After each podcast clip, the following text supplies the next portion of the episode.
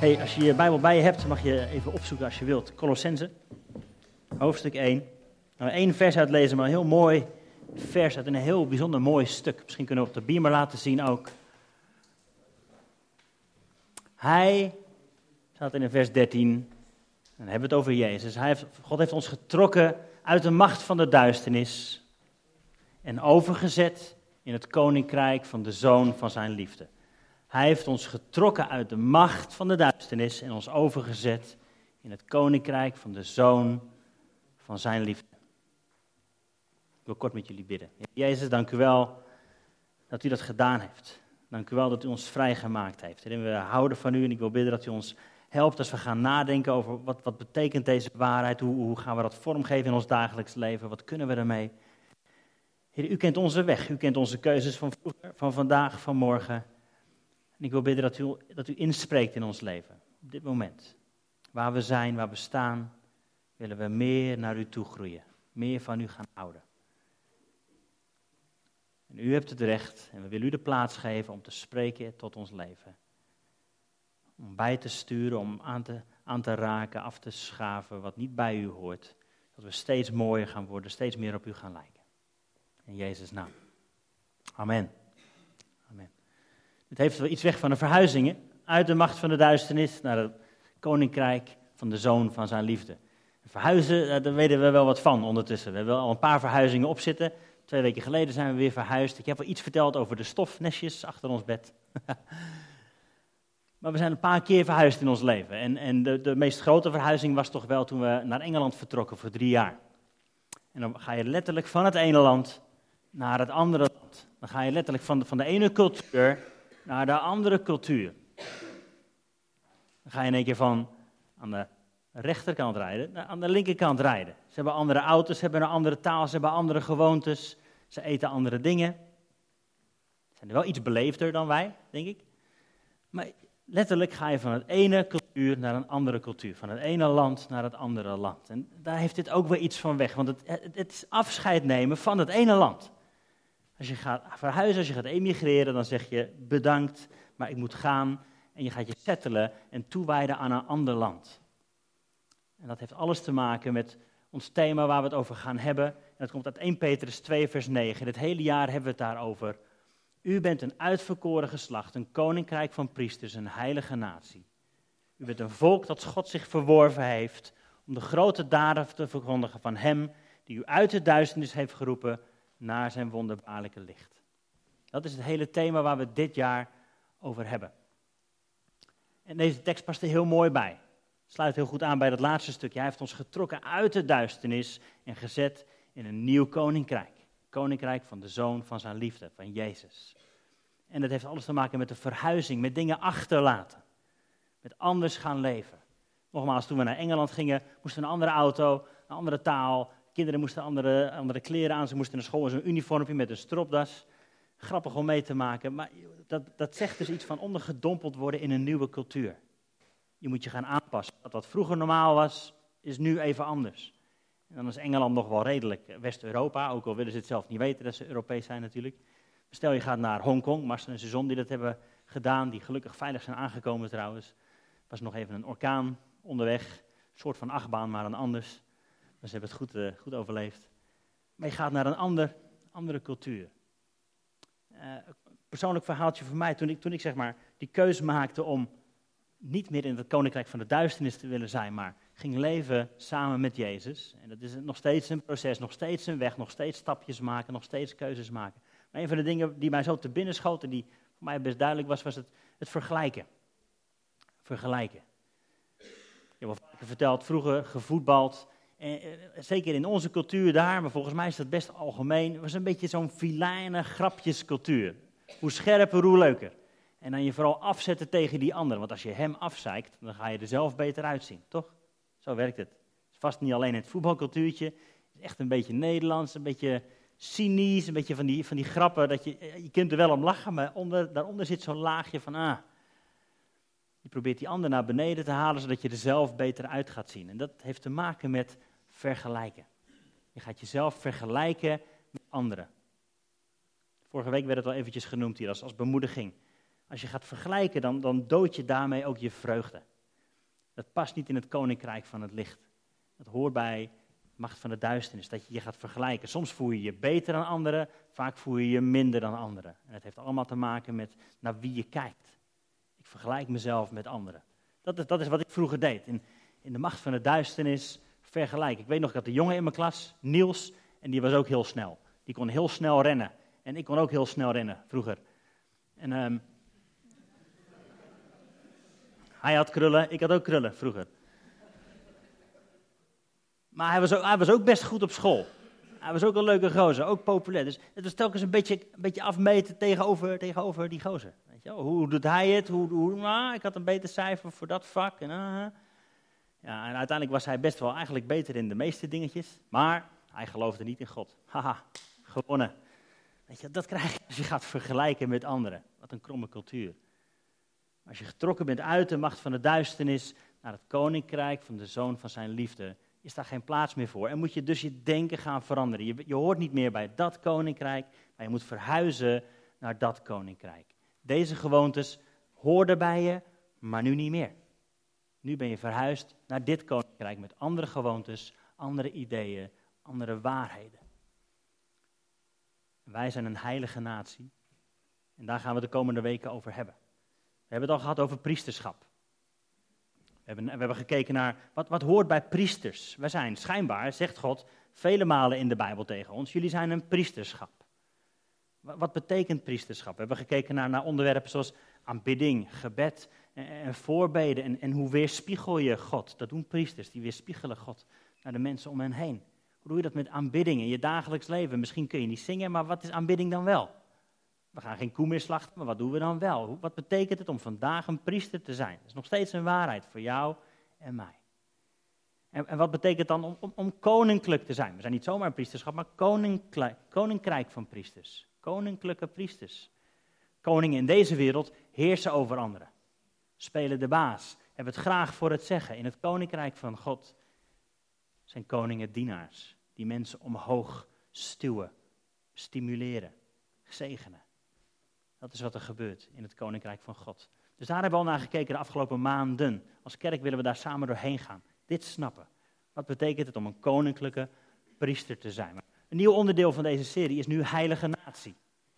Volgende stukje. U bent de uitverkoren geslacht, koninkrijk van priesters, een heilige natie. Wat betekent heilige natie? Daar gaan we de komende weken mee aan de gang. Vandaag wil ik een soort van kick-off doen. Heilige natie. Natie, dat snappen we, dat is een soort van volk. Het, heeft natuurlijk, het is een beeld van, van Israël, hoe Israël ooit is bedoeld door God om de volken te zegenen. Maar wat betekent dat nu voor ons? Hoe leven we samen? Hoe doen we het leven samen? Doen we het leven samen? Of snijden we ons af?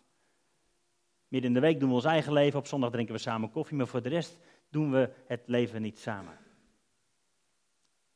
Hoe, hoe werk je samen? En, mag het wel eens botsen? Dat doet het, toch? Als je met mensen samenleeft, dan zal het wel eens botsen. En daar word je, als het goed is, mooier van. Ik heb het al eens eerder gezegd, zonder wrijving geen glans. Af en toe bots je even tegen elkaar aan, maar daar word je mooier van. Hoe doen, hoe doen we het leven op een goede manier gezond samen? Hoe ben je een natie? Vanochtend wil ik iets meer focussen op, op het woordje heilig. Heilige natie. Wat betekent het om heilig te zijn? Om geroepen te zijn vanuit de duisternis naar het koninkrijk van de zoon van zijn liefde. Wat betekent dat? Dat je, dat je dan heilig wordt, dat je gered wordt. Heilig komt de allereerste keer voor in de Bijbel als we het hebben over, als we kijken naar de Sabbat. God die de hemel en aarde maakt en op de zevende dag rustte hij uit. En die dag noemde hij heilig.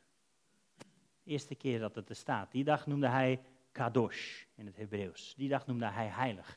Ik vond het wel een mooie gedachte eigenlijk, dat heilig zijn dus niets te maken heeft met werk, maar met uitrusten van je werk. Heilig zijn heeft dus niets te maken met goed je best doen, uh, nee. Uitrusten met God. Dat is de eerste keer dat het woordje kadosh voorkomt, heilig. Maar hoe word je heilig? Hoe word je vanuit de duisternis getrokken naar zijn wonderbaarlijke licht? Met andere woorden, wat is het evangelie? Wat is het evangelie van Jezus? Hoe word je heilig? Wat is het evangelie? Nou, er is een vorm om dat verhaal te vertellen. Een vorm die op internet al, al een paar jaar rondgaat. Ik heb een paar, paar stukjes gezien van, van Braxy Cavey, van Brian Zahnd, Brad Jersek, wat, wat, wat, wat voorgangers die daarover spreken. Volgens mij komt het oorspronkelijk van een orthodoxe priester. En die vorm die, die gebruikt twee stoelen om dat verhaal te vertellen. Het evangelie van Jezus te vertellen. Hoe word je gered? En die vorm gebruikt eigenlijk twee verhalen, twee manieren om dit te vertellen. De eerste manier, ga ze zo allebei doen, maar de eerste manier is een wat modernere versie. Een jaar of 500 oud. Is een beetje ontstaan vanaf de hervorming, zeg maar, 15, 1600. En in die, op die eerste manier wordt, God afgeschilderd als uh, rechtvaardige rechter, zullen we het zo maar noemen. Het is een beetje een wettische manier van vertellen hoe word je gered. En de tweede manier die ik daarna ga vertellen is veel ouder. Werd gebruikt in, in de vroege kerk. Je zult de verschillen straks wel zien. Ik ga beginnen met het evangelie in stoelen, deel 1. In het begin schiep God de hemel en de aarde. En God schiep de mens. Naar zijn beeld. Als beelddragers om in relatie te leven met Hem. Om Hem te reflecteren en om in een liefdevolle relatie samen te leven. Maar God weet, liefde veronderstelt een keuze. En als de mens voor kan kiezen, dan kan de mens ook tegen kiezen. En dat is wat we zien gebeuren in de tuin, in Adam en in Kain. En in generatie na generatie keert de mens zijn rug naar God toe. De mens die zich afkeert en in zonde leeft en zich met de rug naar God toe beweegt. En God is niet alleen die liefdevolle God. God is ook een rechtvaardige rechter. God is heilig en hij kan niet met zonde leven. Dus dit is wat er gebeurt. God keert ook zich af van de mens. En er is scheiding tussen God en mens, een onoverbrugbare kloof. Maar gelukkig is God niet alleen die heilige, rechtvaardige rechter. God is ook een liefdevolle vader en hij zendt zijn zoon, Jezus, om mens te worden. En Jezus leidt een perfect, een heilig, onberispelijk, zondeloos leven. En Jezus laat ons zien wat het betekent om echt mens te zijn, om echt in relatie met God te leven. En Jezus neemt niet alleen onze gedaante op zich, hij, neemt ook onze zonde op zich. Hij neemt ook de straf van God op zich en hij sterft aan een kruis. Gelukkig staat hij weer op uit de dood. Hij is sterker dan de dood. Juist omdat hij een zondeloos leven heeft geleid, staat Jezus weer op uit de dood. En in hem kunnen wij ons ook weer terugkeren en toekeren naar de Vader. En Jezus verandert niet alleen ons hart, hij verandert ook het hart van de Vader, omdat hij ons nu kan zien zonder zonde in Jezus. En de relatie is weer hersteld. We kunnen weer samen met God leven. Dit is het Evangelie in stoelen, deel 1. Herkenbaar? Dit is hoe we het gehoord hebben. Dit is hoe het al eeuwenlang verteld wordt. Wat ik al zei, vanaf de hervormers ongeveer 15, 1600 is dit verhaal verteld. En dit is wat we nog steeds gebruiken als beeld. Er is een ander beeld. Een ander beeld om het oudere verhaal te vertellen, zoals het al in de vroege kerk werd verteld. Die een hele andere kant van God belicht.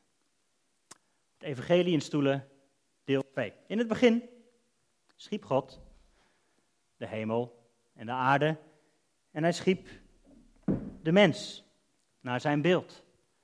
Als beelddrager om, om hem te reflecteren, te aanbidden en om in relatie met hem te leven.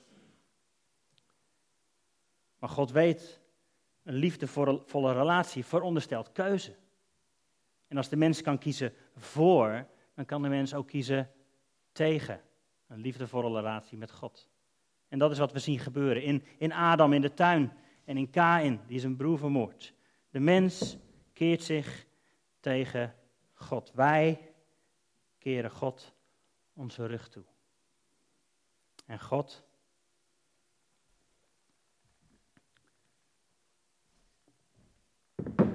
komt achter ons aan. Adam, waar ben je? Kain, waar ben je? God laat het er niet bij zitten. God is een liefdevolle vader die ons opzoekt midden in onze ellende, midden in onze zonde. En God komt achter Israël aan om ze te redden, om ze te bevrijden, om ze weer terug te roepen naar zijn hart.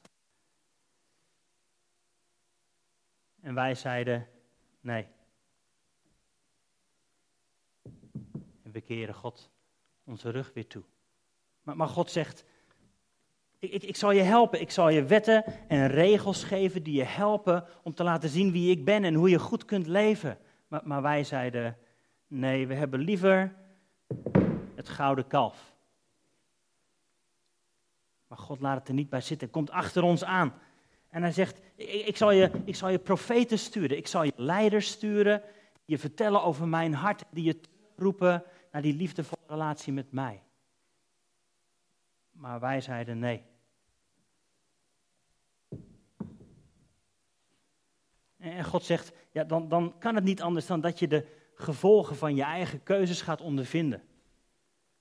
Dat wat ik je beloofd heb zal gebeuren. Je zult pijn en verdriet ervaren. Je zult zelfs uit je land genomen worden en in ballingschap worden geplaatst. Dat is wat met Israël gebeurde. Ze werden ontvoerd uit hun eigen land naar een ander land. En God zegt, ik straf je daar niet alleen mee. Ik wil, ik wil dat je proeft wie ik ben. En dat je weer terug gaat verlangen naar mij. Dat je weet hoe het is om weer in relatie met mij te leven. Maar wij zeiden weer nee. En keerden onze rug naar God toe. En God laat het er niet bij zitten. En hij stuurt Jezus, zijn zoon. God die vlees geworden is. God die onze gedaante aangenomen heeft. En deze mens, deze Jezus, was, was raar. We konden daar niks mee. Deze mens leerde ons wat liefde is. Hij leerde ons om te houden van. Om te houden van God. Om te houden van onszelf. Om te houden van, van, van anderen, zelfs van onze vijanden. En we zien dat Jezus vele malen de religieuze instellingen terecht wijst. Boos op ze wordt. Maar nooit op zondaars.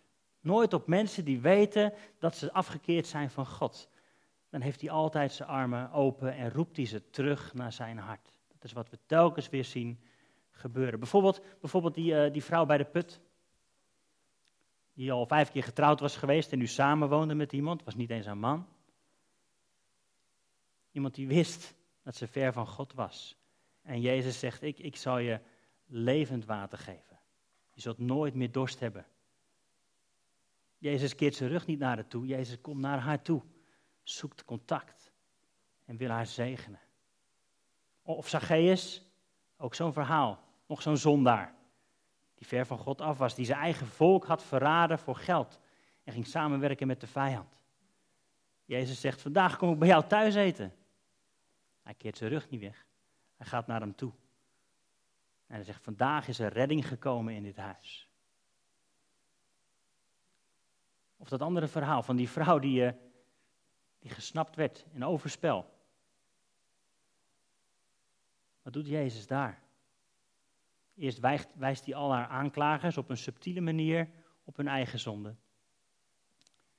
En ze gaan weg. En Jezus zegt: Ga heen en zondag niet meer. Hij zegt er nog iets voor, hè? Ik veroordeel je niet. Ga heen en zondag niet meer. Mooi, hè? Hij zegt dus niet, ga heen, zondag niet meer en dan veroordeel ik je niet. Hij zegt ook niet, eh, ik veroordeel je niet, ga heen en als je dan toch weer zondigt, ja dan veroordeel ik je wel. Nee, ik veroordeel je niet, ga heen, zondag niet meer. Dit is wie Jezus is. Dit is wat hij is gekomen om te doen. En wij, wij konden er helemaal niks mee. Onze religieuze wetten en regels pasten daar niet bij. We konden er niet mee omgaan. Dat zien we gebeuren in het Nieuwe Testament. Dat, dat wij, wij als mensen, hebben hem verraden. Heeft God niet gedaan. Wij hebben hem verraden. Wij als mensen hebben hem aan het kruis genageld, omdat we er niet mee om konden gaan met die liefde die getoond werd. En Jezus stierf. En hij stond weer op uit de dood. En in dat hele proces is de Vader nog steeds naar ons toegekeerd. En dit is wat we zien gebeuren. Jezus openbaart het hart van de Vader, zoals die altijd al geweest is. Om met Brian Zaan te spreken, God is zoals Jezus. God was altijd al zoals Jezus. Wij hebben het niet altijd geweten. Maar nu weten we het wel. En Jezus stier van het kruis, stond op uit de dood. En in Hem keren wij ons weer toe naar de Vader. En kunnen we in relatie leven met Hem. Dat is goed nieuws. Maar daar stopt het niet. Wij samen met God. Maar God wil meer dan dat. Hij wil niet alleen onder ons wonen, hij wil niet alleen bij ons wonen, hij wil in ons wonen. God in ons en wij in Hem. Is dat goed nieuws? Dat is goed nieuws. Dat is wie God is.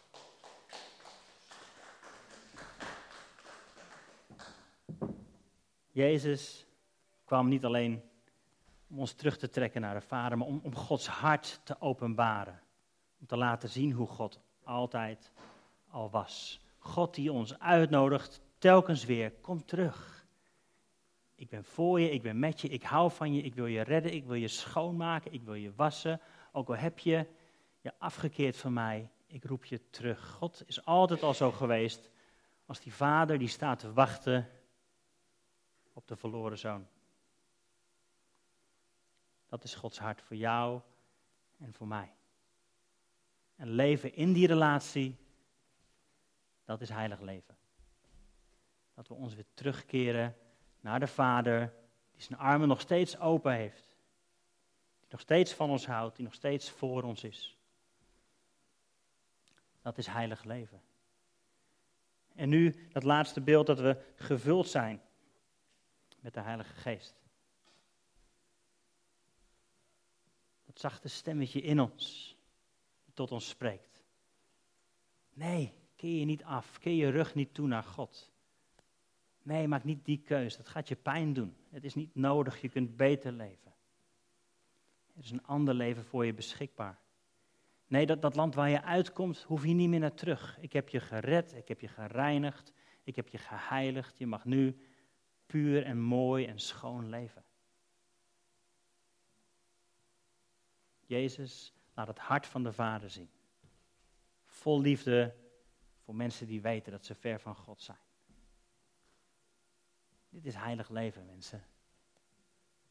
Dit is heilig leven. Dit betekent het om een heilige natie te zijn. Als we dit met elkaar gaan beleven en uit gaan delen. Want hoe, hoe kijken wij, om nog even het beeld van die twee stoelen erbij te pakken. Hoe kijken wij naar de mensen om ons heen? Kijken wij zoals op de eerste manier werd afgebeeld? Mensen die buiten zijn of mensen die binnen zijn, mensen die niet goed genoeg zijn, mensen die wel goed genoeg zijn, mensen die in zonde leven, mensen die het net ietsje beter doen. Gaan we vergelijken, gaan we rijtjes maken? Hoe kijk jij naar mensen om je heen? Hoe kijk je naar jezelf? ben jij goed genoeg? Kijk je op die tweede manier naar mensen om je heen? Net zoals Jezus. Altijd op zoek naar hoe kan ik mijn open, gestrekte armen uitstrekken naar iedereen om me heen. Om dat beeld te gebruiken van die vader van de verloren zoon. Mooie schilderij van Rembrandt en het boekje van Henry Nouwen. Je moet het maar eens doorlezen. Hoe we allemaal eigenlijk die verloren zoon waren. En hoe de vader altijd al klaar stond voor ons. Dat het voelt als thuiskomen. We waren allemaal die verloren zoon. Misschien voel je je nog steeds wel zo. Weet dan dat de armen van de vader open zijn voor jou. Nou, maar misschien ben je wel die oudste zoon. Die staat te kijken als zijn jongere broer thuiskomt. Die gozer heeft een verrot leven geleid. En nou, mag die zomaar thuiskomen? Is dat je hart? Zit je dan in het eerste beeld van die twee stoelen? Kijk je met een, een wettisch, wettisch hart naar mensen om je heen? Als je al een poosje met God optrekt, dan, dan is die kans er dat je je gaat voelen als die oudste zoon. Want ja, jij doet het nu toch wel wat beter. Dat wat ik net beschreef in mijn verhaaltje over die gozer die ook best goed was in een heleboel dingen, maar hij geloofde niet in God, dus ik was beter. Ga je je vergelijken met andere mensen om je heen? En jij en ik zijn allemaal geroepen om te gaan leven als die liefdevolle vader, met onze armen wijd open. Om te verwelkomen iedereen die weet dat hij ver van God af is. Er is genade, er is vrede, er is herstel, er is vergeving. God die je wil omarmen en zijn gezin dat je wil omarmen. Dat is mijn hoop voor ons als gemeente, voor ons als kerk wereldwijd. Dat we dat hart van de Vader gaan krijgen en dat we onze armen gaan slaan om iedereen die dat nodig heeft. Om iedereen die ver van God was te brengen naar het hart van de Vader. Jij en ik zijn uitgenodigd om heilig te gaan leven. Zullen we dat gaan doen? Zullen we ons weer toekeren naar de open armen van de Vader? In relatie met Hem gaan leven en zijn Heilige Geest gaan toelaten in ons leven. Hij in ons en wij in Hem. We bewegen in Hem. We leven in Hem. We luisteren naar Hem. We vertrouwen Hem. En we gehoorzamen Hem. Dat is heilig leven. Dat is wie we willen zijn als heilige natie. Als koninkrijk van priesters. Om de grote daden te verkondigen van Hem. Zijn uitgestrekte armen mee te delen aan iedereen die dat nodig heeft. Zullen we gaan staan?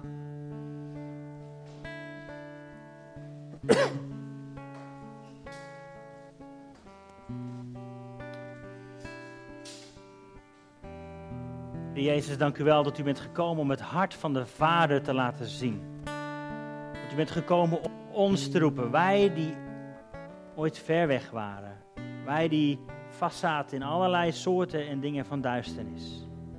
Maar u heeft ons nu getrokken uit die duisternis naar het koninkrijk van de Zoon van uw liefde. U heeft ons vrijgemaakt. U heeft ons weer toegekeerd naar de liefdevolle Vader. We mogen weer met u leven. In eeuwigheid en vandaag. Gevuld met uw vrede, gevuld met uw waarheid, met uw liefde. En dat wil ik bidden op dit moment. Vul ons opnieuw met uw liefde. Dat we dit kunnen gaan omarmen. We zijn geliefd, we zijn omarmd. We zijn geaccepteerd. Het hart van de Vader is open. En u nodigt ons uit om in relatie, om heilig te leven. Niet door werken, maar door uw genade. En Heilige Geest, wilt u spreken tot ons hart op dit moment? Welke dingen mogen we loslaten en horen niet bij het koninkrijk van uw licht? In u zijn we vrij.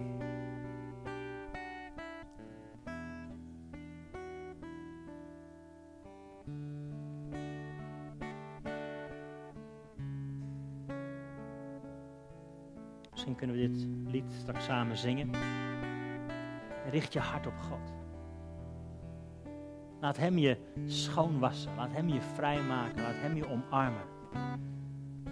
En als Hij je omarmt, kan geen ketting je meer vasthouden.